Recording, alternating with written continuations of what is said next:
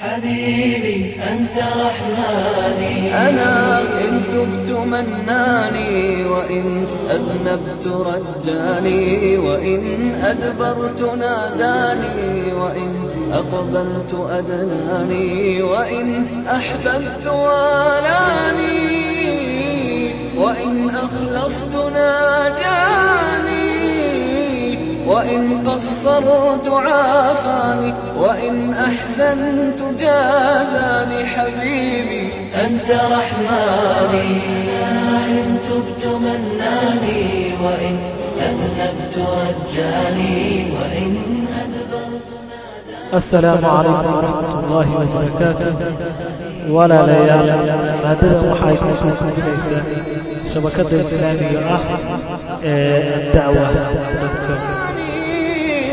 وإن قصرت عافاني وإن أحسنت جازاني حبيبي أنت رحماني إن تبت مناني وإن أذنبت رجاني وإن أدبرت ناداني وإن إن الحمد لله نحمده ونستعينه ونستغفره ونستهديه ونعوذ بالله من شرور أنفسنا ومن سيئات أعمالنا من يهده الله فلا مضل له ومن يضلل فلا هادي له وأشهد أن لا إله إلا الله وحده لا شريك له وأن محمدا عبده ورسوله أما بعد قال الله تبارك وتعالى وقل اعملوا فسيرى الله عملكم ورسوله والمؤمنون macaashar alikhwati walakhawaat waxaan shaki ku jirin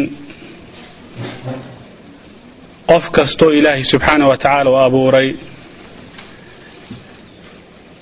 ee dunidan guudkeeda meel uun kaga nool inuu leeyahay hadaf iyo yeelow uu raadinayo dadkuse waxay ku kala duwan yihiin qof baa markiiba haleela waddadii markaa uu gaari lahaa.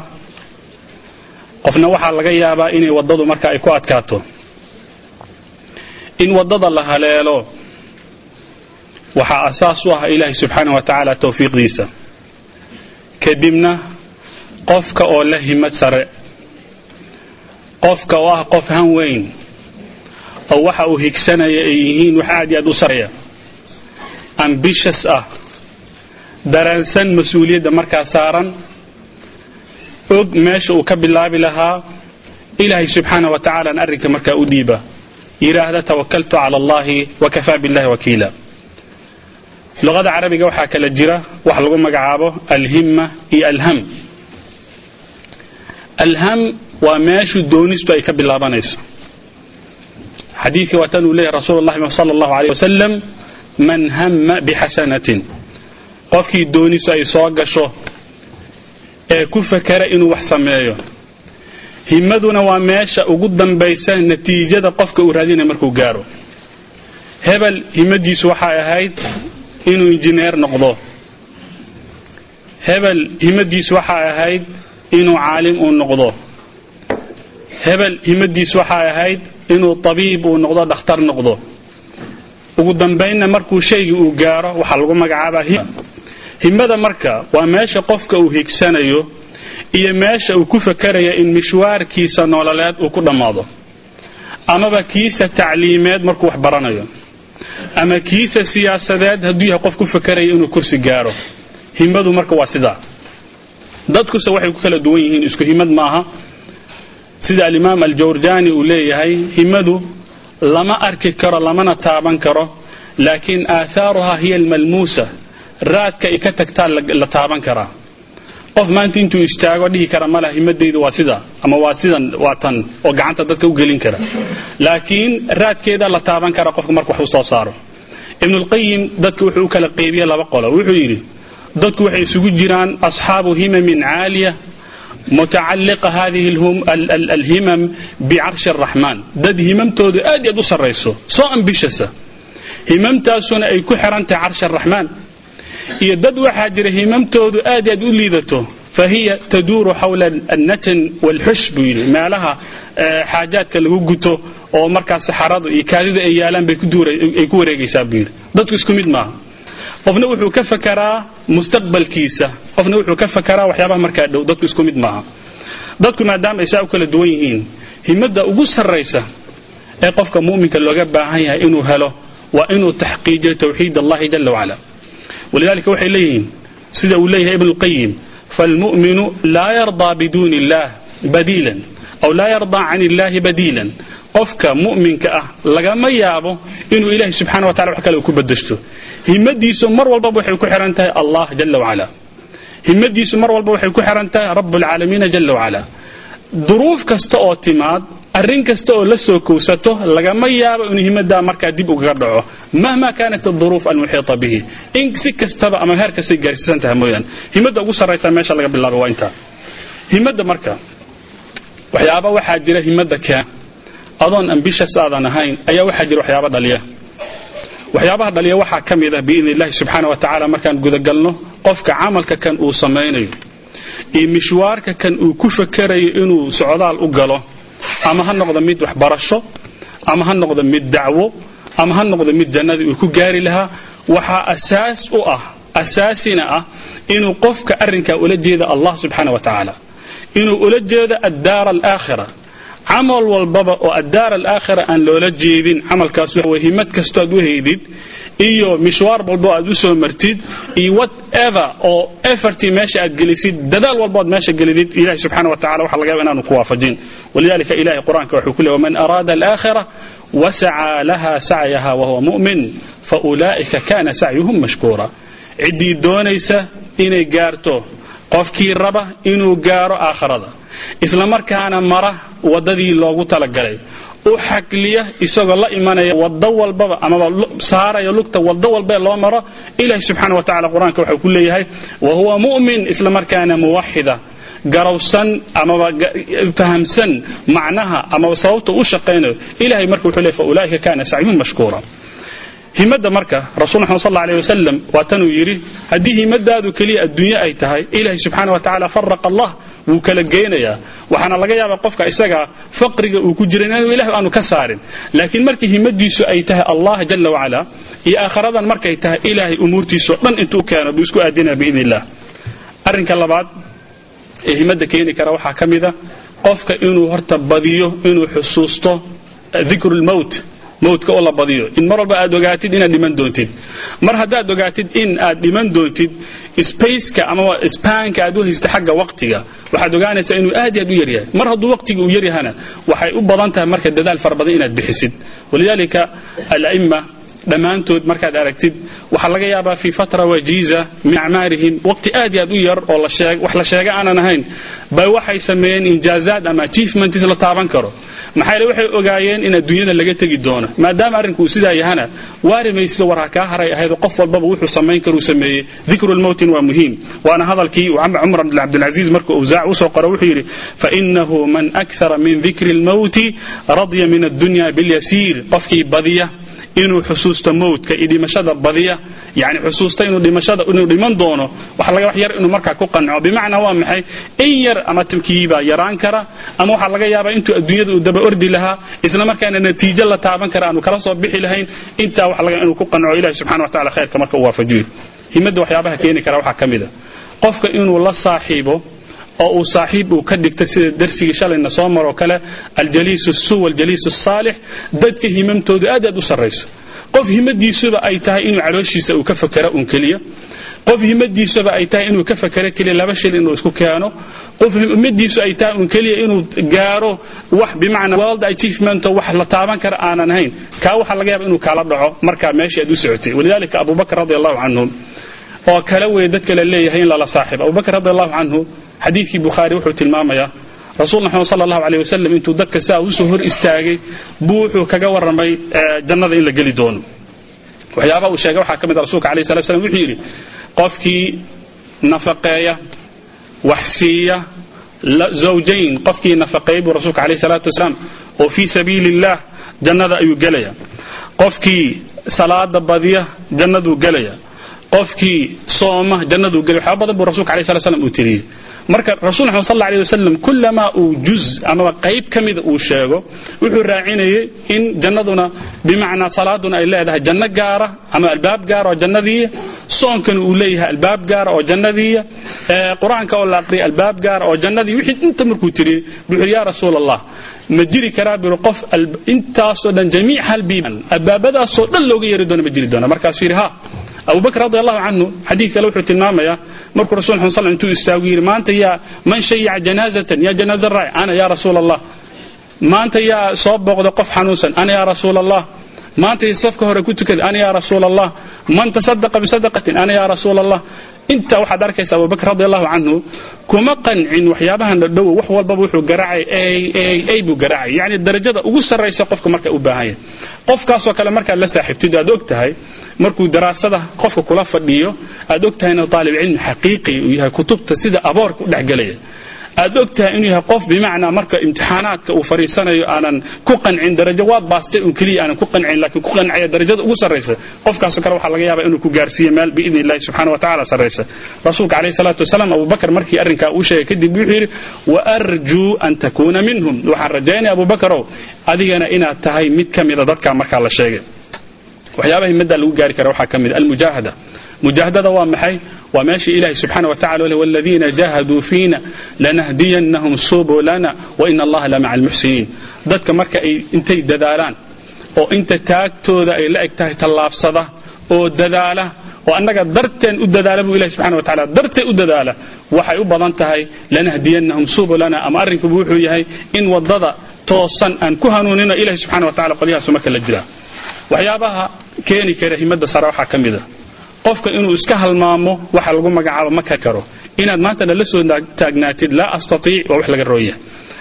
Iska dhaadhici shaygan inaad samayn kartid. Adduunkan la joogana shay mustaxiila ma jiro. Ibnulqayim wuxuu leeyahay adduunkan waxaa jira laba shay keliya ayaa mustaxiila. Wixii ka soo haray mustaxiil waxaan ula jeedaa impossible oo incredible oo aan yani laba shay ayaa jira oo adag inuu qofku sameeyo. Wixii ka soo hara waa la samayn karaa ugu horrayn waa mid la xiriirta sunantan kawniga. Ah way adag tahay qoraxdii oo ka soo bixi jirta xagga bari inaad tiraahid waxaan ka soo saaraya galbeed. Ama iyadoo galbeed u dhici jirtaan waxaan u rogayaa xagga bari baan u rogayaa. Taa way adagtaha buu yidhi. In dayaxa oo iftiinka lagu ogaa aad tiraahid gudcur ama mugdi baan ka dhigaya isagoo dhan baan tirtiraya arrinta arrin shaqaynaysa maaha. Taa waa sunna kawniya aan isbedelayn buu yidhi. Shayga labaad aan isbedelayn wuxuu yahay buu yidhi. Waxyaabaha ilaahi subxaana wa tacaala sharcigiisa xajku ashhuru macluumaat bilo la yaqaan wey. Soonka waqti la yaqaan buu soo galaa. Salaada duhur waa afar. Casirka afar baa la tukadaa. Salaada subax waxyaabahaas ma bedelaan wixii ka soo haray buu leeyahay ninka alimaam ibnulqayim qofka bini aadamka waxbuu ka bedeli karaa. Shay walba waa la bedeli karaa. Walidaalika waxay sameeyaan. Qolyaha motivationka ku howle waxay sameeyaan si qofka loo bedelay isaga dhan iyo sulukiyaadkiisa xitaa waxa la bedela oraahdiisa la bedelaa ila kelmadda markaad isbartid waan samayn kara taasuna macnaheeda maaha inaad wax walba tiraahid sheikhul kulli inaad noqotid maaha shay walbaba aad boqolkiiba boqol anaa samayn kara maaha bimacnaa qof walbaba raxima allahu man carafa qadara nafsihi fawaqafa duunaha. Allah u naxariiso qofka og amaba aqoonsaday inta ay taagtiisu ay la eg tahay islamarkaana aanan dhaafin waa tan ilahi subxaana wa tacala waa tan ay dadku ay ammaaneen. Laakiin waxaa loola jeedaa qofka wuxuu tallaabsanay intuu wax samayn karo. Laa astaiic ma samaynayso wax shaqaynaya maaha. Waxaan waxaa jira maxadiir maxamed kitaab uu qoray oo lagu magacaabo maleey indilima kitaabka inkasta oo ay dadka uu qoray oo shacabkiisa ay si kale u fahmeen oo fikradda ay ka qaateen ahayd fikrad khaldan laakiin waxaad moodaa inuu yahay kitaabka keliya. Ceeb walbaba markaa dadka ay leeyihiin u hadiyeeyeen waxyaabaha ugu quruxda badan oo meesha uu ku sheegay waxaa ka mida waxaa caado u ah buu yidhi dadkan aan ka dhashay buu yidhi oo maleyga ah. Waxaa caado u ah buu yidhi markii wax yar la weydiiyey inuu la soo taagan yahay anugu ma samayn karo. Ta'bule buu la soo taagan yahay ma samayn karo in yar ma samayn karo waana caada u tahay. Waxaa laga yaabaa xitaa hadalka caadiga ah ilan qofka waxa laga markuu hadlayo kelmad buu soo celcelin karaa. Qof baa yani yani soo celiya qof baa ma aragtay soo celiya qof baa mataqaanaa soo celiya. Iyaga kelmadday soo celceliyaan waa ta'bule ma kari ma samayn karo. Wuxuu isku dayay marka mudday ku qaadatay in shacabka xitaa motowska ay ku dhawaaqayaan ama halkudhigyadooda iyo ooraahdooda iyo waxyaabaha darbiyada lagu soo dhiga xitaa waxaa loo bedelay kelmadda ah waa samayn kara waa samayn kara waa samayn kara. Waatan maanta ilahay subxana wa taala tawfiiqdiisa weeye laakiin annahda alxadaariya almalmuusa hadihi alwaqfa oo aad arkaysaan iyo qafzadan aad arkaysaan ilbaxnimadan la taaban karo ee dadkaas ay soo gaareen waxay ka soo bilaabeen keliya maysan bedelin xitaa. Resetting baa lagu sameeyey attitudeka iyo fakarka ay fakarayaan. Taana daruuradeeday leedahay qofka marka horta iska biyo bii'ada marka uu ku jiro uu fahmo yani xitaa had ooraahdeed inaad bedesho asbartid waxaan waa samayn karaa. Iyada waxay ka mid tahay waxyaabaha lagu gaari kara alhima alcaaliya. Walidalika wax mustaxiila ma laha. Qofkana fashal wuu ku iman karaa fii zamanin ma. Yani waxaa laga yaabaa inaad noocan ma aad failure uu kugu yimaado. Hawshaada aad gudan weysid bishan. Bisha ka dambana waad gudan kartaa. Khalid ibn waliid inta macraka uu galo wax la qiyaasi kara ma leh. Macaarig fara badan ama dagaallo fara badan buu ka soo qayb qaatay intii jaahiliyada ahayd oo wuxuu dagaal buu soo galay. Kuwo fara badan baa goobo fara badan baa lagu soo jebiyey. Islaamka markuu muslim uu noqdona goobo fara badan baa lagu jebiyey. Marka khalid ibn waliid fi kulli alaxwaal ma quusan laa fi almarxala aljaahiliya dagaalkii uu soo waday uu sii waday xataa bacda alislam dagaalkii uu sii waday. Labada xaaladoodba ma bimacnaa qofku waa inaanu quusan uu mar walba marka uu sii shaqeeyo ta kale muhiimka waxay tahay qofka inaanu aanay saamayn bii'adiisa hadduu ogaada bii'a aanan shaqaynin inay tahay. Khaasatan dadka amaba cultureka aan leenahay soomaali ahaan ayaa wuxuu yahay in waxaa nagu yar waxa lagu magacaaba alibdaac creativity malin oo ah abuuris ma lihin. Qofka waxaa laga yaabaa ninka soomaaliya ninka kale soomaaligu fiirsanaya bes. Isaga inuu inta oo fikraddiisa kala yimaado way adag tahay. Wuxuu rabaa business inuu sameeyo nin baa indonesia aadaya macwis buu keenaya. Kan ma garto ninka hadduu macwis keena adiga shaati keen. Jakartuu ka deganaya macwistii buu keenaya. Sideed u soo dejinaya. Mid baa meeshaa madcam ka furaya oo hiliba ma garto mid kaleoo suqaar adiga amaba wax kala furo malaay meeshaan ku kari. Tii uu samaynaya waa exactly tii buu soo guurinaya. Waa waxyaabaha creativity ma laha. Islaam baa waxay arkaysaa mid baa waxay gadanaysaa uunsi uunsigii bay keenaysaa. Intii wax kale ma keenayso. Dirac waxay maqashay dirac baal weyn baa shaqeeya bac weyn iyo diracaasay keenaysaa mid baar yar ma keenayso. Yani waxaa arkaysaa maba taqaanba ama ninka soomaaliga ah ma ogaba waxyaabaha lagu magaca creativity. Creativity waa maxay? Inaad adiga fakertid oo aad abuuris aad samaysid oo aad barnaamijkaaga aad la timaadid oo aad ogaatid waxaad u baahan tahay. Wa ilaa haddaad tiraahd maanta waxaan raadinaya online keliya ma shaqaynayo. Walaagii soomaalida xitaa markii intay soo tahriibayeen hal layn baa la arkaya laynkaasuu qarxaya laynka abulcaynayn shalay idinkaga sheekeynayay waa aragtay suu u soo wada griiguu soo mariyey calatuul yurub buu soo geliyey laynkaasoo kale maanta qofka markuu arko berri ninka soomaaliya kaasuu raadinaya ilaa uu ka qarxo. Taasu macnaheedma wadaadada inay idiin banaynayaan markay idinka daaleen baxa baxa baxa leemanka in ladiin sheegay maaha. Laakiin cala aqal marka xitaa wax qabanaysid raadi bal wada cusub aan tii aanan ahayn. Marka creativityga waa muhiim. Walidalika hadda maraakiis xataa duwal carabiya biwafra muntashira si aan la malayn karin bay aad iyo aad ugu faaftay in markaz alibdaac alcilmi iyo markaz alibdaac markaz alikhtiraac inventionkaas iyo innovation iyo waxyaabahaasoo dhan ba adduunka soo batay. Waa daruuri qofka marka inuu maskaxdiisa marka uu ka shaqaysiiyo iyada waxay ka mid tahay waxyaabaha himada keenaya biidn illah رسول الله صلى الله عليه وسلم waxaa ka mid ah waxyaabaha kana النabiyu صلى الله عليه وسلم أشجع الناس وأربطهم جأشا وأثبتهم جنانا وأقواهم بأسا يتقون به عند الفزع لا يعرف الخوف إلى قلبه سبيلا waxay ka mid waxyaabaha marka howl la qabanayana waxaa loo baahan yahay in himada sare waxaa keena hadaawa qofka inuu degan yahay wailaa haddii ay kaa tahay waxaa la yidhi innovation baa la yidhi haddaad maqashid amaba qofka inuu khallaaq uu noqdo ama inuu abuuris badnaado ama inuu fakarkiisu macnaheedu maaha inaad maantana aad business aadan aad og tahay inaad ku fashilmi doontid camaa qariib aad og tahay inaad waxba aadan ka keeni doontid maanta ku boodid haddana mid kale maalin kale mid kale aad ku boodid haddana maalin kale aad maadadan ku boodid haddana jaamacaddan adoo haaf ay kuu marayso hal sana markaad dhigatid psychology haddana waxaad doonaysaa sociology hal sana adoo maray haddana waxaa aadaysaa math maaha macnaheeda. Markaad maqashid waa in oo qofku uu noqdo qof janaankiisa uu sugan yahay xadiidkan marka wuxuu tilmaamayaa ama sifadan xadiideed waxay tilmaamaysaa inuu rasuulka alayh sala slam uu yahay dadka kan ugu geesisan wa maca dalika qalbigiisuna wuxuu ah qalbi markaa sugan. Hunaa macnaheedu waa maxay? Rasuulka alayh sala slam mawaaqifta marka la joogo haddii uu qaadanayo go'aan siyaasina go'aankiisu waa go'aan sugan. Markii nashaad caskariya uu jiro oo military operationjir rasuulka alayh sala slam go'aan kuu qaadan waa go'aan sugan markuu dadka uu la fadhiyo oo go'aan qaado go'aankiisu sugan yahay. Markuu haweenkiisa ula dhaqmayo go'aankuu qaadana go'aan sugan wey xadiidka marka wuxuu tilmaamaya aakhir rasuul maxamed sal alay wasalam xitaa dadka markay baqaan oo argagaxaan horey kama ordi jirin wuu sugi jiray kunaa nattaqii bihi waatan ninka saxaabiga uu leey isagaan ku gamban jirno gaashaan ka dhigan jirnay isagaan marka aan gabood ka dhigan jirnay isagaan isku marka gadaashiisa istaagi jirnay bay leeyihiin rasuul maxamed sal alay wasalam shay walbaba wuu sugnaa. Sugnaantana waxay ka mid tahay factoriska cawaamisha waxyaabaha keeni kara qofka marka inuu himadiisa marka uu ka daba taga biidn illah qur'aanka waxay leeyihiin iyaaka nacbud himadda waxay u dhexaysaa bayna iyaaka nacbud wa iyaaka nastaciin. Iyaaka nacbud wa iyaaka nastaciin inta u dhexaysa himadu ay ku jirtaa. Mar haddii cibaadadii aad la timaadid cibaadada natiijadeeda waxay tahay qofki inuu tawfiiq u gaaro. Tawfiiqdana waxaa lagu gaari karaa iyadoo isticaana billahi meesha ay jirto. Labadaa xaaladood qofku intuu ku jira biidni illah wuu gaari karaa biidni illahi subxaana wa tacaala. Waxyaabaha loo baahan himada waxaa keeni kara inuu qofka camalka uu qabanayo itqaan uu sameeyo. Itqaan waa maxay? Perfection wey shaygii inaad sugto sidiisa aad u sugtid. Yani anigu waxaan kuga ogahay maalan inaad tahay nin noo baranaya engineering. Engineeringkaa ka keen wax ka keen waxaan kuga ogahay maalan inaad tahay dhakhtar tabiiba kaa horta lagugu soo hagaago. Waxaan kuga ogahay fieldi kaleo businessmana kaa lagugu soo hagaago. Laakiin adigu waxaa loo baahanya mar walbaba in aadan noqonin qof colorful oo marba meel ku booda waa inaadan noqon itqaanka waa muhiim. Rasul maxamed sal allahu wasalam waa tan qur'aanka uu leeyay in allaha rasuulka alayhi salatu wasallam in allaha yuhibbu ida camila ahadukum camalan an yutqina. Ilaahay subxaana wa tacala wuxuu jecel yahay midkiin hadduu camal uu samaynayo inuu sugo shayga oo laga daba tago oo aad waqti aad siisid oo aad ka daba tegtid waxay ka mid tahay waxyaabaha ilahay subxana wa tacala uu jecel yahay. Sunca allahi aladii atqana kula shay. Ilahay subxaana wa tacaala suncigiisa wey waana allaha wax walbaba markaa sugay. Ilahay labada sifo haddaan soo tilmaamay sifat alibdaac iyo sifat alitqaan buu isku sheegay.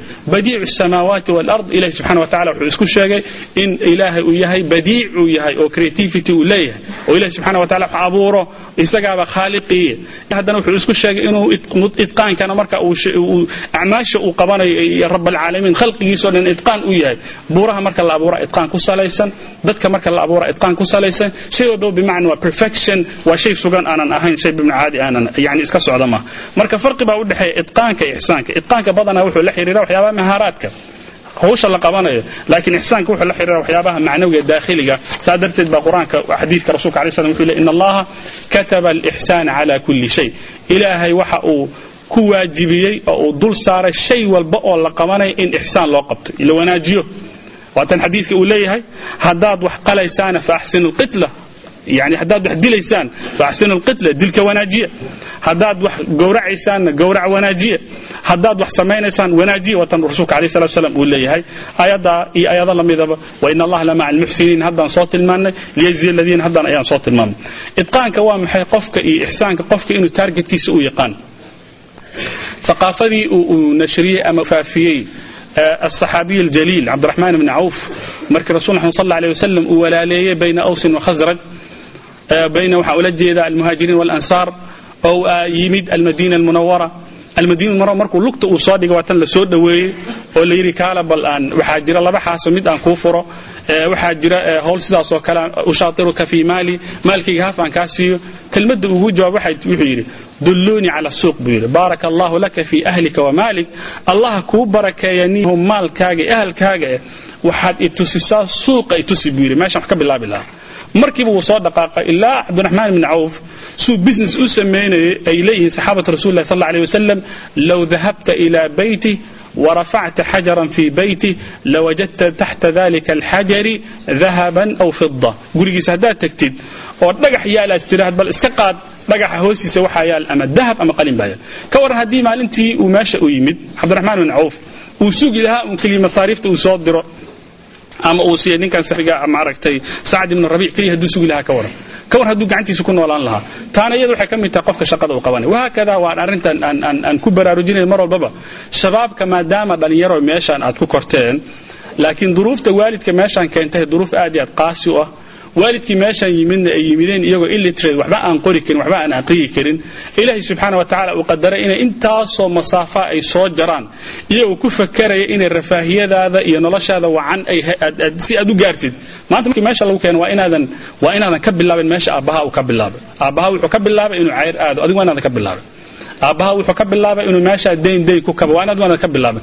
Waa inaad majaalkaaga aad samaysatid weeye himadaad waa inay saasoo kale noqoto. Sida cabdiraxmaan ibn cawf radi allahu canhu uu macnaha marka uu sameeyo oo kale. Arrinta kale loo baahan waa maxay? Itqaanka. Xitaa qur'aanka marka la aqrinayo itqaan baa loo baahan yahay.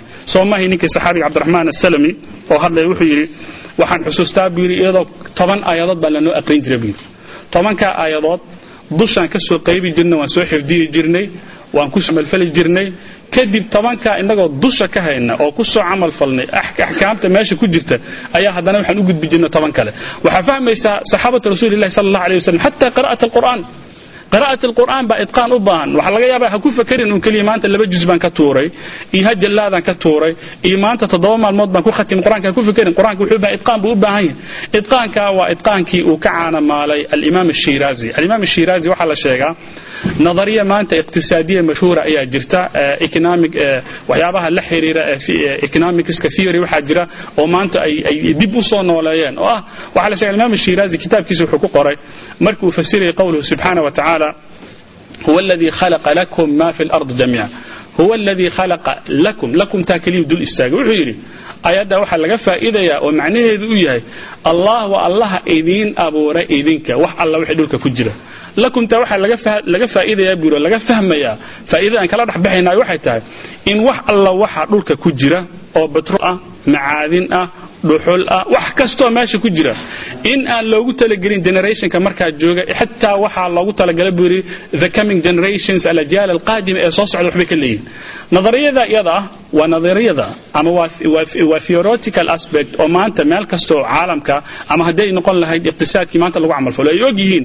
Waliag waatan arkaysan ku leeyihiin hadda haddaan isticmaal lahayn kaydka aan haysanno iyo lacagta aan haysanno iyo batroolka aan haysanno waxaa dhici karta in coming generation marka ay baaba'aan nadariyada asalkeeda waxaa loo celiya alimaam ashiraazi alimaam ashiraazi isagaa ku sheegay fi kitaabin min kutubi isagoo kala dhex baxaya huwa aladii khalaqa lakum. Marka qur'aanka waan aqrinaa ma lakum baa ku baraarugaysaa? Waa xarfu jar baan leenahay ninka ugu roon waa ninka icraabta kala dul istaaga lakum allaamu xarfu jar kumtaas wuxuu ku leeyahay damiir baa lagu jiray wuu gudbaya. Waa ninka noogu fiican soo ma.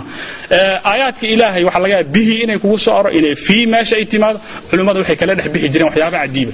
Marka itqaanka waa muhiim perfectionka xataa qur'aanka marka la aqrinayo alimaam shiraazi nadariya ma gaareen itqaanka waxyaabaha uu keenay waxaa ka mid ah sala rasuulka alayhi salaatu wasalaam. Markuu arka ninkii isagoo tukanaya uu suu doono salaada uu ka yeelay intuu gebgebiyey uu iska tegay markii waatan rasuulka alayhi salatu wasalaam uu yidhi salli fa innaka lam tusalli. Tuka maadan tukane kullaaba saddex mar marka la celceliyo yidhi fa innii laa axsinu ghayraha intaa ka badan ma samayn kara rasuul allah markaasuu rasuulka alayhi salatu wasalaam intuu istaagay buu u sharxay. Wuxuu yidhi haddaad istaagtidna gacmaha meeshaa saar oo ku xasil kadibna rukuuc oo ku xasil kadibna sujuud oo ku xasil. Xitaa salaada marka la qabanayo waxay kaaga baahantahay perfection bay kaaga baahantahay in la sugo shay walba oo la qabanayo ay majaal any field oo qofka uu gelay waa inuu shayga uu sugo. Waana marka himadaadu waa inay saa noqoto hadday ka dhacdana wax shaqaynaya maaha. Xataa xajka waa tanaad aragteen. Khalad yar markaad geshid neef baad gowracaysaa. In yar baad samaysay saddex maalmood soon. Saa samaysay fidya bixi. Waxaa la diidayaa koorska waxaa lagu tababarayaa dadka muslimiinta ah in waxa ay qabanayaan aanay u qabanin waa la qabtaa laakiin uu noqdo shay bimacnaa sugan. Waxaa la mid ah soonkii oo kale waata la leeyahay waqtigaabuu bilaabana waqtigaabuu dhammaanaya waqtigana lagu xisaabtama ilahi subxana wa tacala afar sac uu ka dhigi karaa. Markaad gaajootid fur waa lagu dhihi karaa. Waxaa lagu dhihi karaa haddaa waxaa samaysay mushkilama laakiin waxaana la baraya waxa lagu magacaaba itqaanka. Taana waxay ka mid tahay waxyaaba cajiibka. Itqaanka waxyaaba dad fara badanoo maanta scientists culummo fara badanoo waaweyn itqaanka ay ku gaareen. Haddaan in yar milicsano waxa uu sheegay ninka lagu magacaabo xasanayn haykel xasanayn haykel oo ah saxafi aad iyo aad u weyn oo ay masaarida iyo alcaalam alcarabi aad looga qadariyay wuxuu yidhi waxaan la kulmay buu yidhi ninka lagu magacaabo nashtain la kulmay oo ah ninka nadariyadan maanta lagu magacaabo relativityga taqaana nisbiya lagu magacaabo ninka ka dambeeyey. Markii aan gurigiisa aaday buu yidhi ayaan la hadlay. Waxaan yidhi waxaan u baahanahay inaan interview kula sameeyo. Marka wuxuu yidhi waqti ma haya buu yidhi laakiin waxaan ku siinayaa buu yidhi rubcu saaca.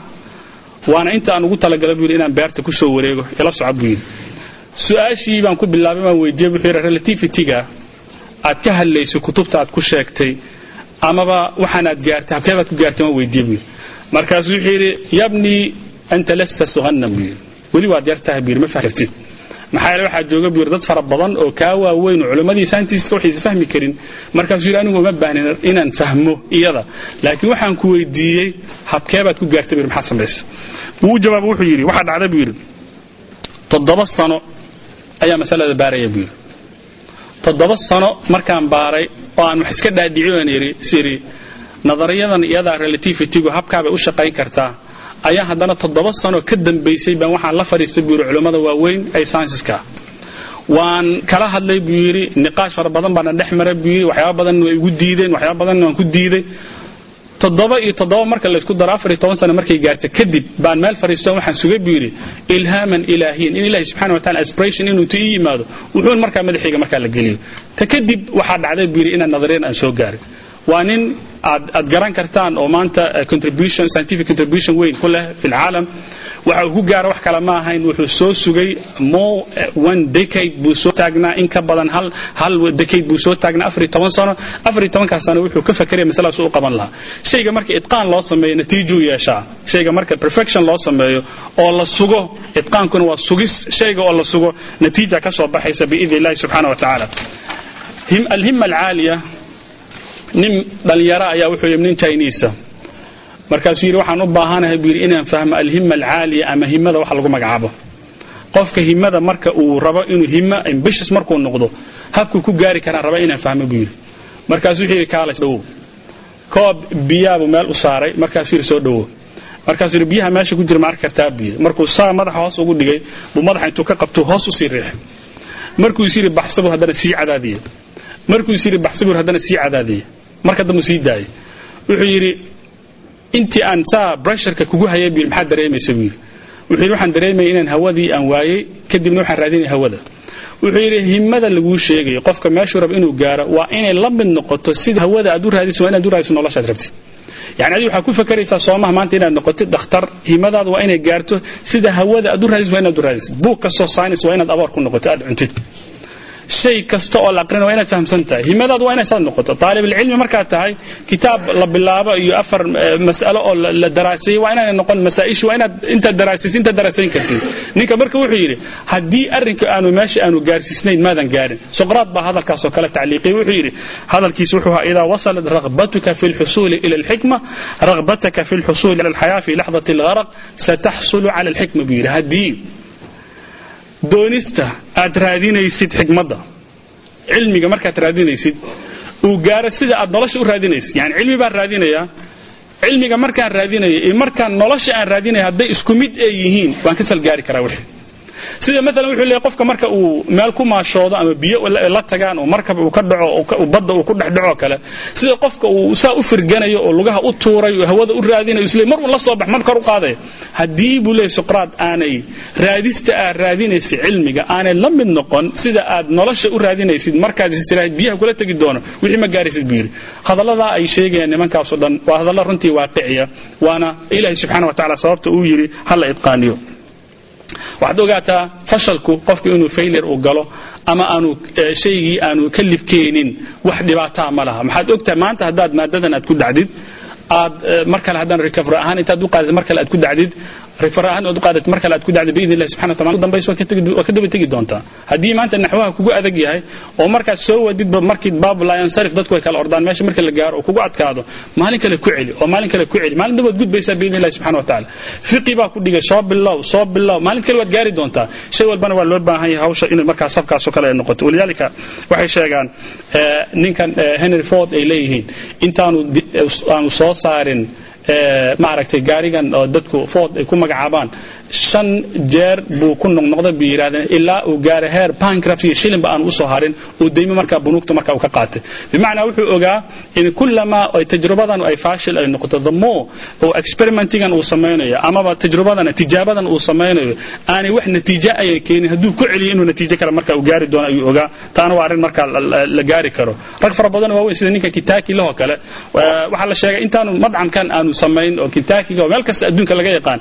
Waxay ku qaadatay waxay leeyihiin kun shaqo ayuu application u qadimo laga soo celiyey oo uu shaqayn waa ugu dambayna maanta meeshaasuu gaaray bimacnaa nimanka iyagoo niman gaala ah laakiin waxay raadiyeen adduunyaday raadiyeen. Adigu maxaad raadinaysaa aakhiradii aakhiradii waxaad ku raadinaysaa shay walbaba ama cilmi ku raadi ama wuxuu ku raadi cibaada ku raadi shayga qofku waa inuu markaa uu ka run sheegaa qofka muslimka waxyaabaha lagu yaqaano waxaa ka mid ah himadiisu inay saasoo kale ay noqoto waxaa muujinaya xitaa dadka gaalada waxaan ognahay taariikhda andalus markaad u laabatid waxaa la sheegaa azabela oo ahayd boqorkii malik qishtaala la dhalatay.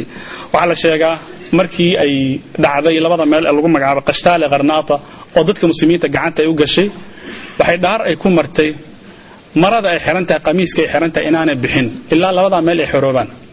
Ilaa qarnaata iyo qashtaale ay gacanta muslimiinta ay ka soo baxdo ilaa heerka la gaaray inaysan dharka ayan dhigin ama bimacnaa qamiiska ayan siibin.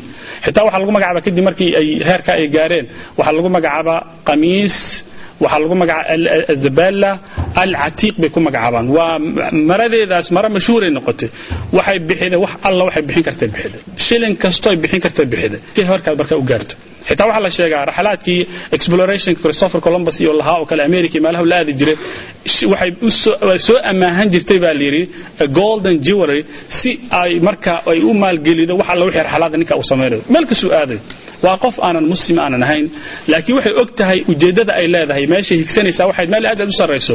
Yacni waa haweenay ku fakaraysa maanta inay meesha ay gaarto.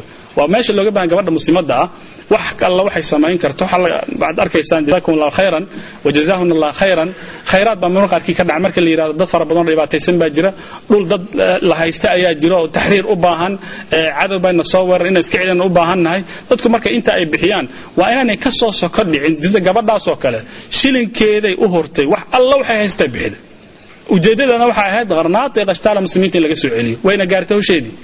Wax kastay samaysa waxayna ahayd in ninka isaga raxlaadkiisa explorationkiisa geographically marka ku guulaysa wayna gaartay.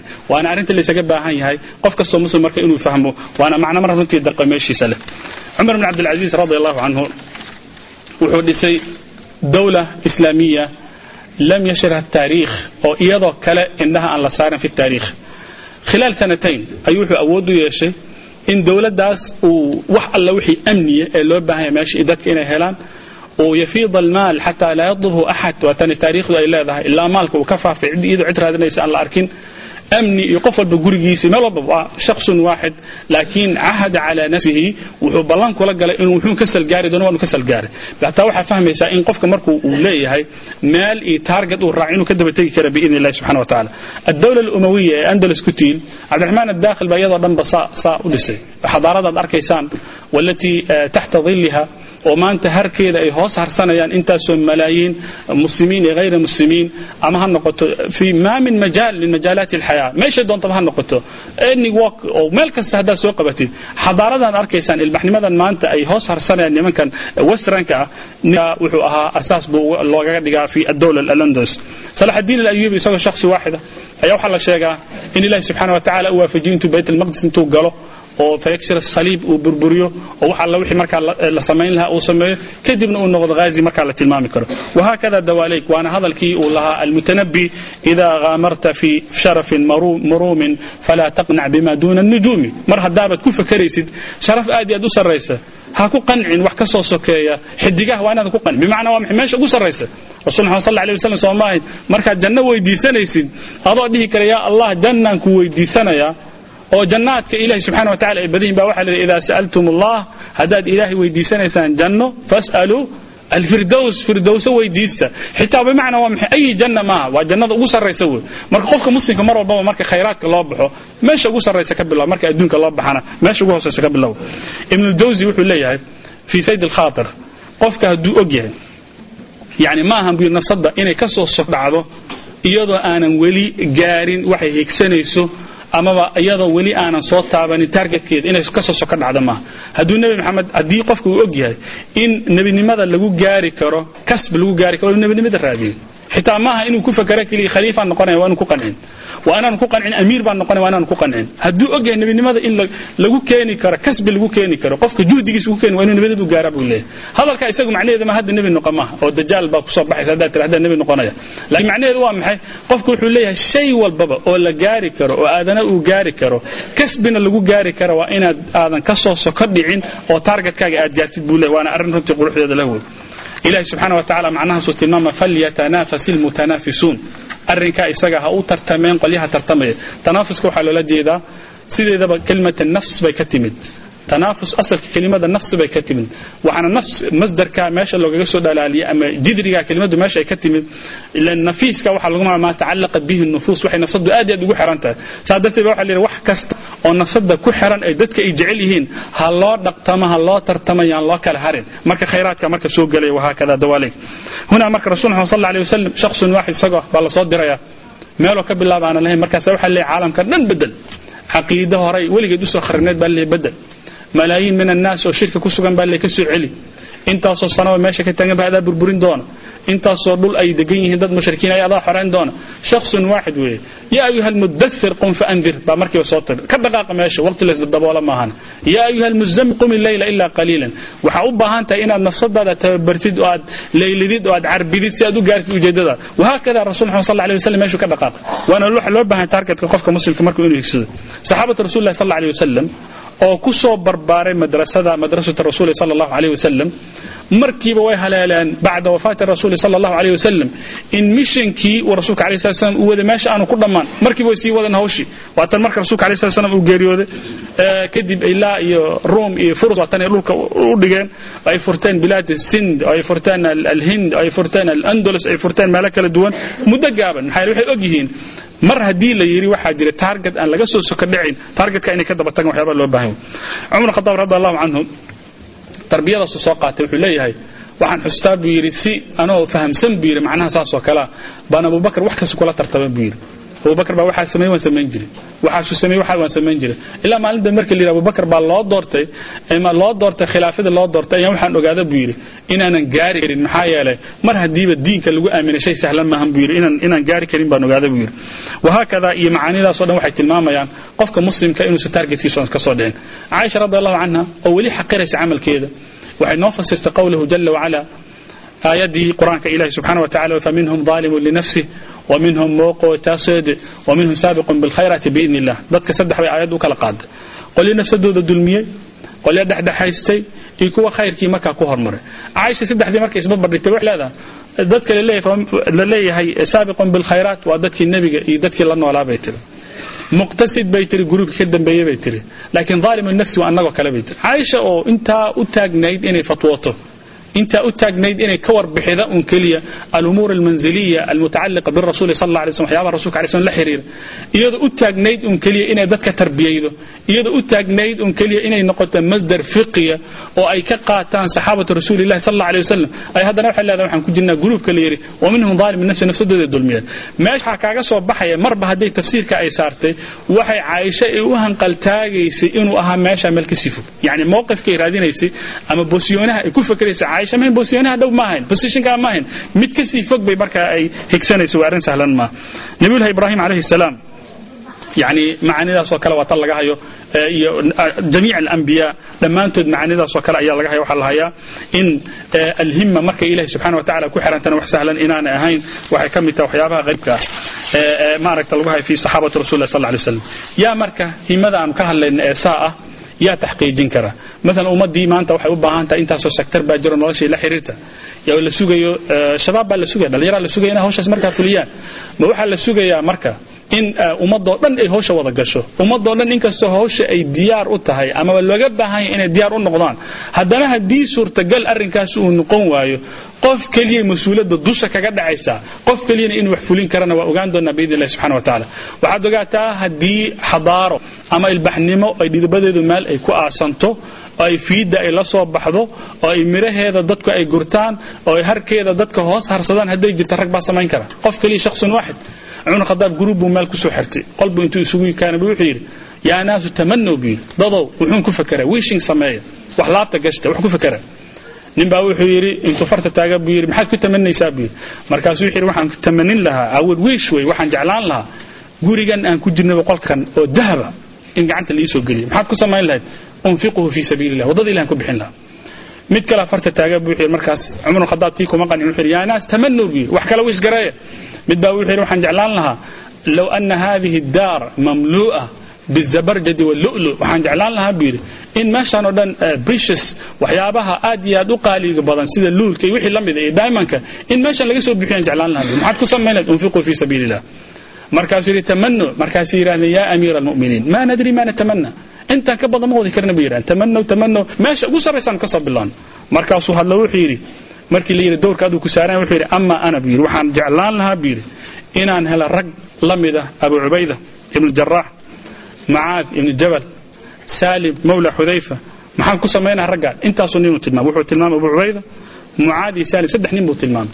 Saddexdan nin oo kalan u baahan lahaa buu ragga inay noqdaan maxaan ku samayn lahayd? Astaciinu bihim fii iclaa'i kalimat illah waxaan dadka u kaalmaysan lahaa kelimadda ilahay saan kor ugu dhigi lahaa cumar khadaab marka wuxuu fahmay rasiidka keliya ummadanu ay leedahay wamaa taquumu bihi alxadaaraat iyo waxa ilbaxnimadu ay ku aasaasanto inaana ahayn maal iyo macdan iyo batrool laakiin cunsurka insaaniga qofka aadanaha in marka isagu samayn karo. Markaasuu yidhi waxaan jeclaan lahaa dadkoo dhan raggoo dhan inay la mid noqdaan saddexdaas nin oo kale. Si kelimadda ilahay marka loo koryeelo waxaa fahmi karta min rafci kalimat illah aw iclaa kalimat illah inaanay u baahnayn juyuush fara badan meesha la keeno laakiin qof kasta hamigiisa markuu geliyo oo uu ku fakero himadiisuna meesha ay noqoto arrinka uu ku hanweynaado in wax fara badan marka uu gaari karo biidni illahi subxaana wa tacaala waana runtii arrin cajiibkeeda leh maanta su'aasha haddaan idin dhex dhigi lahaa inta cumar khadaab aanu hadli lahayn waan idin dhihi lahaa tamanow ninka noogu fiican wuxuu dhihi lahaa waxaan jeclaan lahaa in ciyaalka aan suuriya geeyo oo tamanow su'aasha haddii la soo celin lahaa midka kalena wuxuu u diri lahaa maaragtay egypt. Tamanow haddii la soo celiy wuxuu dhihi lahaa afar nin oo adeeradeeya inaan greek soo maryan jeclaan lahaa. Tamanow waxaan jeclaan lahaa baasaboorka norwegian in la soo dedejiyo meeshaan aan ka tago ciyaalka aan la badbaado. Tamanow kaasuu noqon lahaa. Laakiin cumar khadaab radi allahu canhu prospectiveka ama his world view habkasuu wax u arkay waa ka duunay totally sa habka u fakerayn isaga wuxuu ku fakeray rag xulan oo nukhba ah oo light ah oo la taaban karo oo weli uu yidhi cabdicubayd ibnu jarax saxaabadona ma soo qaado. Saalim mawla xudayfa mucaad raggaasaan u baahnaan lahaa buu yidhi fii iclaa'i kalimat illah waana kelmad aad iyo aad u qurux badan. In shaksi keliya wuxuu qaban karo waxaa la sheegaa markii khalid bin waliid uu qool uu geliyey alxiira waana bacda markii asxaab ridda ay bilaabeen waa markii islaamkii markii rasulka alay slam uu geeriyooday kadib abubakr radi allahu canhu ay markaa khilaafada ay gacantiisa ay soo gashay. Waatan dad fara badan ay diinta isaga laabteen. Khaalid bin waliid dadkii loo diray wuxuu ku jiray qolihii loo diray alxiira loo diray. Khaalid waliid wuxuu dareemay in ciidanka uu watay uu ahaa ciidan aad iyo aad u tabar daran uu nugayl uu ku jiro cadad ahaan iyo tiro ahaanna aanay u babacdhigi karin ciidanka markaa kuurka isu soo saareen. Markiiba wuxuu yidhi warqad buu soo qoray abubakar buu wuxuu yidhi u baahanahay yaa amiira almu'miniin inaad ii soo dirtid buu yidhi ciidan markaa gargaar ah si aan awood uga helo alxiira oo mustacsiya noqoto ay ugu adkaatay inaan galo waxaan u baahanahay ciidan inaad ii soo dirtid. Markaas wuxuu soo diray hal nin buu soo diray ninka ayuu ahaa alqacqaac ibn camr atamiimi hal nin buu soo diray qacqaac markaas wuxuu u soo raaciyey laa yuhzamu jayshun fiihi alqacqaac ibn camr atamiimi lama jebiyo buu yidhi macquul maaha in la jebiyo. Ciidan uu ku dhex jiro ninkaasoo kale alqacqaac waa hal nin hal nin baa la tirsanaya. Laleeyahay alqacqaac oo kale ciidanka uu ku jiro lama jebinaya buu yidhi. Cumar khadaab radi allahu canhu waxaan la jeedaa abubakr radi allahu canhu raggana wuu kala yaqiin wuuna ogaa. Wuxuuna og yahay ana alkathra badidu in sideedaba wax natiijo ayan keenin. Rasulka alay sl soo ma dhihin. Marka aad gaaraysaan heerka waxaad tihiin oo yidhi min qilatina ya rasuul allah ma tirayara arrinkaan gaarsiin doon ma tirayaraana gaarsiin doonta ma tiradana aad aad u yar. Bal antum guthaaun ka say aad baad u badan tihiin buu yidhi. Laakiin daad xoor baad tihiin wax ka soo qaad ma tihiin. Waxaad tihiin sida kuwa maaragtay waxa ku dul sabaynaya daadkoo kale waxaad tihiin ma laha. Marka kasradu muhiim maaha laakiin waxaa muhiima quality quantity muhiim maaha tiradu muhiim maaha laakiin waxaa muhiima quality qofka inuu yeeshay alqacqaa ibn camr atamiimi quality buu lahaa. Oo haddii laga helo ninka afar nin oo quality leh haddii meeshan laga helo oo dacwadan afartan gees ay norway u baahan tahay ilahi subxaana wa tacala wuu gaarsiin kara dakhil scandinavia oroba o dhan ilaa waddan ku gaarsiin kara afarna quality haddii la helo laakiin haddii fakarkeenu uu yahay ungdamka meeshan jooga oo kale nin weyn oo siddeed iyo toban jiroo gacanta la sii wado iskuulkaa la geenaya waa la soo celinaya waa la geynaya waa la soo celinaya waxaas leedahay ninka kan mr miximia nin la dhihi jira oo indhool ahaa maalin walba la sii wada waa la soo celiya waa la sii wada waa la soo celiya maalinta wuxuu yidhi ha la sii daaya buu yidhi. Maxaa maalin walba ii sii wadaan? Marka la sii daayana god buu ku dhex dhacay yacni gruub saas kale haddii ungdamka fakarkeen uu saas fakarkooda uu saas noqdo ungdamka meeshan jooga yani waxaan arki jiray cashar sanawaad sabca sanawaad dugsiga qur'aanka adaa aaday.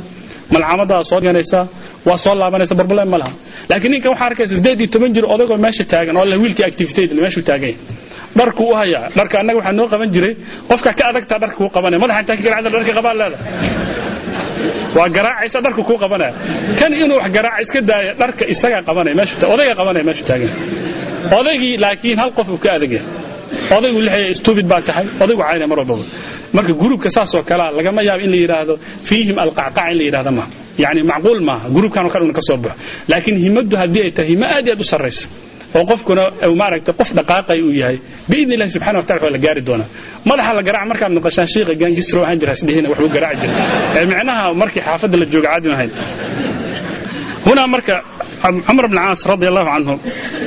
almadad cumar khadaab isna warqad u qoray camar bn caas waxa uu furanaya misr meesha lagu magacaabo. warqad buu soo qoray wuxuu warqad u soo qoray ee cumar bn khadaab radi allahu canhu markaasuu yidhi meeshii meel caadiya maaha waxaan u baahana ciidan baan u baahana cumar bn khadaab radi allahu canhu wuxuu milatari ahaan markuu fakeray buu wuxuu isbarbar dhigay yacni meesha la furanaya meel caadiya inaanay ahayn laakiin wuxuu yidhi waxaan kuu soo diri doonaa arbacata aalaafi rajulin afar kun nin baan kuu soo diri doonaa buu afar kun oo nin oo waa ciidan ayaan soo diri doonaa. Laakiin isaga cumar bn khadaab ma aha cadadka tirada badan. Quantitiga meesha jooga maaha. Laakiin waxaa muhiim ah dadka meesha marka abaanduulayaasha ah halyeyada hogaaminaya ciidanka ay unug walbaba qolada marka dadka qofka ay ku daba safan doonaan. Markaasuu yidhi calaa kulli alfin rajulun maqaama alf kun walbaba waxaa ku jira buu yidhi oo hogaaminaya oo abaanduulow ah nin u dhigma kunkaa meesha jooga kunkaa kun walbaba oo afartaa kun ka mida waxaa hogaaminaya nin u dhiga kunkaa u dhigma. Markaasuu dadka tilmaamay wuxuu yidhi koo wuxuu yidhi azubayr ibn alcawaam wuu raaciyo wuxuu yidhi almiqdaad ibn camr. Haddana wuxuu yidhi cibaadat ibn saamit. Haddana maslamat ibn makhlad. Nin baa la tirsanaya rajul waaxid. Nin keliya wuxuu yidhi kunkaa waxaa ku jira nin abaanduula kunka u dhigma.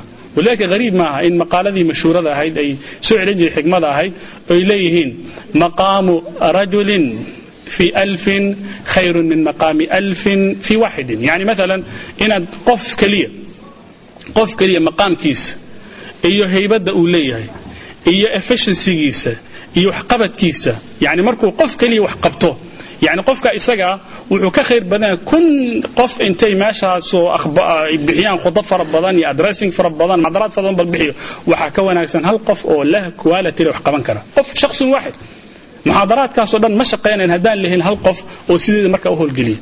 Maa min kelima oo meesha laysugu keenay waxay noqonaysaa wax nansanisa haddii shaygii aan la howlgelin.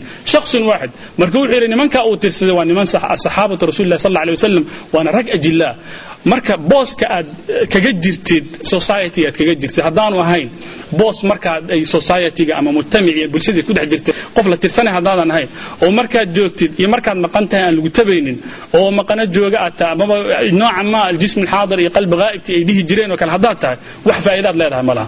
Arrinkaana waa arrin markaa runtii u baahan fahamkiisa u baahan. Rajul waaxid inuu wax badbaadin kara waxaa ilahi subxana wa tacala qur'aanka wuxuu sheegay fii mawqifayn ithnayn. Suurat yaasiin iyo suuradda kale ilahi subxaana wa tacaala uu ku tilmaamay waa suurat alqasas. Suurat yaasiin ilahi subxana wa tacala wuxuu yidhi wajaaa rajulun min aqsa almadiinati yasca jumladaa iyo sidaa ay isugu tagtay inaad ku baraarugtaan. Wey wajaaa rajulun min aqsa almadiinati yasca aayadda kalena waxay tihi wajaaa min aqsa almadiinati rajulun yasca ilahi subxana wa tacala wuxuu tilmaamay laba nin buu tilmaamay. Yacni aayadda koowaad wuxuu tilmaamay hal nin ninkaa wuxuu badbaadinayaa mowqif dacawiya. Dad baa waxay ishortaageen ay ishortaageen oo ay horareen. Ducawadii ay la soo baxeen ama ay meesha ay la tageen niman markaa ducaad oo la diray. Markay hor istaageen baa nin orday meesha yimid. Min aqsa almadiina rajulun wajaءa rajulun min aqsa almadiina yatisca nin keligii ilahi subxana wa tacala waa dhihi karay daaci baa yimid waa la dhihi kare arajul laakiin waxaaba isagoo dhanba dharkaa laga qaado. Waxaa la yidhi rajul nakira laga dhigay indefinite baa laga dhigay. Oo dharba looma hubin inuu daaci yahay lama sheegin inuu military maahan lama sheegin inuu nin siyaasiya lama sheegin inuu nin madaxa lama sheegin inuu power leh lama sheegin. Sababta keliya meesha loo soo mutaxay oo rajulun keliya liyara nakira loogaga dhigo luqada carabiga waxay tahay in la muujiyo qofku mid marba hadiiba ay laga helo rujuula laga helo aadanimadii haddii laga helo ninnimadii haddii laga helo biniaadanimada haddii laga helo inuu wax qaban karo. Rajul buu yidhi haddana wuxuu ilahi subxana min aqsa almadinati ilahi waana dhihi kara fi lqur'an alkarim markuu ka hadlaya waja'a rajul nin baa meesha yimid. Min aqsa almadinati waa maxay? Meesha uu tallaabta uu ka soo qaada haddana la tilmaamaya haddana yasca yamshi baa la isticmaali kare waxaa la isticmaali kara kalimaad fara badan iyo munطaliqan waxaa la isticmaali kara aatiyan laakiin yasca maxaa la xaklin iyo orad iyo dadaal baa ku jira haddii marka meesha marka jumladda waxaan ka qaadanaynaa rajul oo inuu noqorto qofkii rujuuladii waa in meeshii la helo. Alamr athaani mahma kaanat sucuubaat amaamak whatever obstacles oo ku hor oo ku hor istaagi kara waa inaadan milicsan. Ila ninka waxaa laga yaaba remote area markuu ka yimid transportation xataa inuuna heli karin. Haddana waxaa la yidhi yascaa baa la yidhi isagoo ordaya marka marka target aad leedahay waa inaad degdegtid. Laakiin ninkan muxuu sameeyey wuxuu badbaadiyey nimankii ducaad badbaadiyey. Ninka kalena muxuu ahaa wajaa min aqsa almadinati rajulun yascaa laakiin intuu u socday nebi muuse calayhi salaam buu la taliyey oo wuxuu yidhi ina almala'a ya'tamiruuna bika liyaqtuluu fakhruj inii laka min annaasixiin dadka shir bay ku jiraan. Hagar baa laguu maleegayaa dibindaabyaa laguu maleegayaa. Waxay u badan tahay in lagu dilo eh magaaladan ka dhaqaaq buu yidhi waan kula talinayaa buu yidhi. Ninkaa marka waxay ku sheegaan markii culama alcaqiida markay sharxayaan ninka waxaa le lam yunqid muusa faqat wainama anqada jamiica arisaalaati cabra taariikh.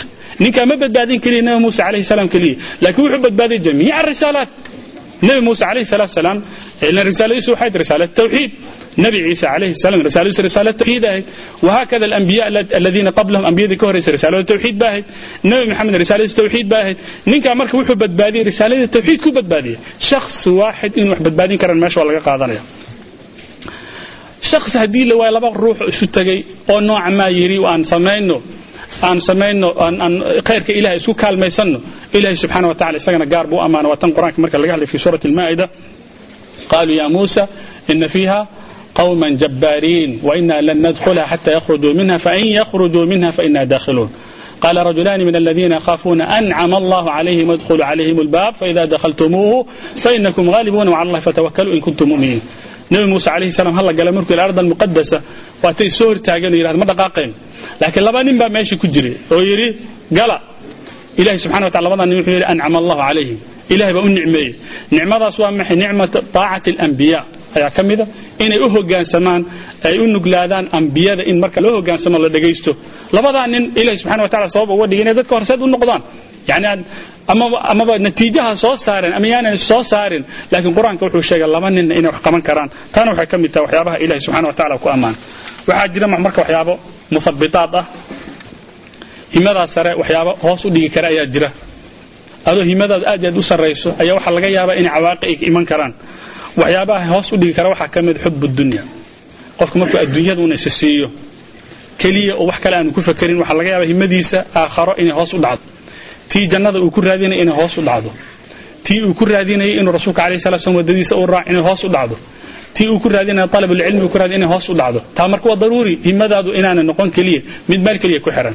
Walidaalika waataan culimmadu dhihi jireen aan in yar ka hor ku soo baraarujinay markaad ka hadlaysid aakharana waa inaad fiirsasid qofka markaa kugu sarreeya. Yani qofka aad is leedahay qofka kan khayrka uu kaaga horeeyaa sida cumar khadaabba uu dabagalay abubakr radi allahu canhu meeshu lugta dhig lugta u dhigay saa raadi oo habkaasoo kale samee.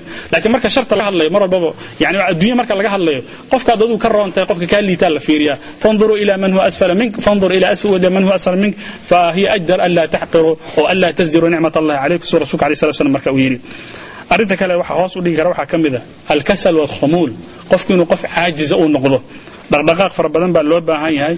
Walidaalika hadda ka hor qof baa waxaa laga waxyaabaha ayi mishwaar oo la wado yahay mashruuc oo la samaynayo inaysan qofku aanu u dhadhamin baa laga yaba waxa laga yaba inuu yidhahdo wax kastaba aan agtiisa inay ka shaqeen kasalkuna qofka waxaa laga yaabaa haddii la yidhahdo maanta waxa mashruuc dacwo inuu yidhahdo waxaan wax ka soo baxaya male intaasoo wax loo sheegay ma shaqaynayo waxaa laga yaba haddii la yidhahdo aan arrinta aan ku heshiin hawshaas baan qabanayna shay walbaba wuxuu la soo hor istaagayaa negative buu la soo hor istaagaya ma shaqaynayo nin baa marka waxaa la sheegaa in khaalid bin safaan buu la fariistay. Markaas wuxuu yidhi ninka marka wuxuu dhibsaday khaalid iyo gruubkiisa markay meel soo fariistaan inay maanta dhan ka hadlaan taariikhda. Taariikh iyo xadiid iyo naxwo iyo shicir iyo ayaam alcarab iyo suugaan iyo howlahaas.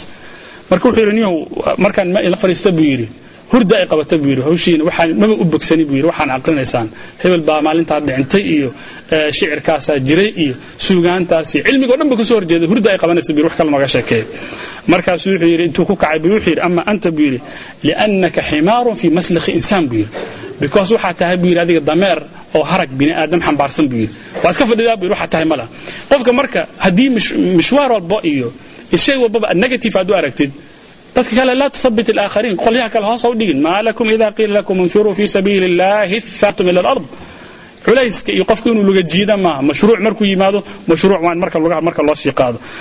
Atasawuf waxyaabaha muhabitaat alhimam waxaa ka mida ah. qofka inuu tasawuf uu sameeyo waa samayn doonaa waa maaragtay way dhici doontaa sanadka dambe ayaan waxaan samayn doonaa afar koorsan ka tuuri doonaa. Sanadka soo socda waxaa laga yaabaa inaan maadadaas meel dhigo. Sanadka socda waan u badan tahay. Tasawuf sanadka soo socdaan guursan doonaa. Sanadka ku xigaan saan samayn doonaa. Weligiid waa soo taagnaanaya qofka. Mashruuciisa maalin maalin ka dambe dib uu dhigaya taana waxay ka mid tahay tasawufka. Waa qofku halaagsamo wey shay walbo aad u baahan tahay the spot aad taagan tahay haddaadan qaban. Ama niyo rasmi aadan la iman waxay ka mid tahay waxyaabaha himada marka dib kaala dhacaya waana ay dhihi jireen procrastination is the thief of the time. Qofku inuu shaygu dib u dhigo yidha waan samayn doonaa waan samayn doonaa. Isagaa tuug ku noqonaya waqtigii dib kaaga xadaya markaas waa tanuu yidhi ibnu sayriin baa nin u yimid. Qofka waxaa la fasiraya qof dreams fara badano. Maanta dhan soomaaliga qof isagoo day dreaming xataa samaynaya wuu isaga riyoonaya wuxuun inuu wax qabta ma rabo wuxuu ku riyoonaya isagoo baxay oo guursaday oo hawshaa sameeyey oo jaamacad ka soo baxay. Laakiin wuxuu fadhiyaa groenland uu fadhiyaa. Sida maska u sii soconaya ma shaqaynayo waxaa haddana meeshuu fadhiisanaya wuxuu leeyahay maanta wuxuu ku riyoonaya. Ibnu siriin baa nin inta u yimid wuxuu yidhi niyo waxaan ku riyooday. Anoo hurda oo ku dabaalanaya buu yidhi meel aan biyo ahayn. Waan dabaalanaya dabaal baan ku jiraba dabaal. Dabaashii wuxuu yidhi meeshii biyo maahan buu yidhi biyo ma laha. Waxaan kaloo ku riyooday buu yidhi anoo duulaya garbana aanan lahayn wuxuu waxaan la yaaba riyadaas riya caadiya maaha. Nin duulayo garba aanan lahayn. Oo haddana dabaashii ku dhex jira oo meel biyana meesha ayna jirin waa maxay? Markaasuu yidhi anta rajulun kathiiru alamaani waalaxlaam buu yidhi. Nin dreams fara badan baa tahay. Yani wishiskaaga aad u badan waa samayn doonaa waa samayn doonaa waa samayn doonaa waana tafsiir aad qurux badan. Qofka marka wuxuu tilmaamaya ibn siriin in saxa hada wuxuu tilmaamayaa markaad wax ku fakertid waa in aad la timaadid markabkii aad raaci lahayd. Yani waa inaad la timaadid platformka ka dhaqaaqi lahayd. Yani waa waxaad u baahan tahay inaad wax baratid meesha laga bilaabi lahaa aad? Waxaad u baahan tahay inaad taalib cilmi xaqiiqi meesha laga bilaabi lahaa aad? Guur baad u baahan tahay right meesha sii aad. Laakiin meelahaas ka jirjiiran iyada diidda iyo waan fiiri way soo fiiriday. Maaha maxay kuu fiirinaysaa adigo diyaar ma tiidi waa inaad dhaqaaqdo weeye. Yani haddaad tiraahd waa ag maray way ila hadli weyde waa ag maray way ila hadli weyde yani ma shaqaynayso? Ma u baahan tahay aad meesha faashinku waa ku soo dhawaynana insha allah subxana wa taala. Liisfar badan baa jira. Sheekadu waa inay saas noqoto. Marka haddii laakiin adiga maantana aad ku jiirjiiraysid waxaana shaqaynayn oo meeshaas aad taagan tahay acseskaada la imaana ma shaqaynayso. Waana u badan tahay walidaalika waxaa arkaysaa waana caada ka dhigatan sida ziyaartii la bixi jiroo kale. Aakhir mataaf marka la gaaro oo la gaaro muctamarka marka la gaaro waxaan ahay hebel waxaana diyaar u ah inaan hebel hebla guursado hebel oo maaragta u baahan laakiin ilaa haddan waan helina maxaa nagala talinaysaan? Maxaa laidinkala talinaya diyaar ba ma tihiine qofka markuu diyaar yahay uu yidhaahdo aniga heblan waafaqaya maalin fulaan. Dadkii hore xitaa waxaa lagu ogaa maalin arbaco bilkama dambays maahana khamiis maahana maalin kale iya bixi maysa dhihi jireen waa yaqiineen meesha ka bilaabaan. Yacni bil safara intay yimaadaan maalintaas aroosaa jiro ogow maahana imaw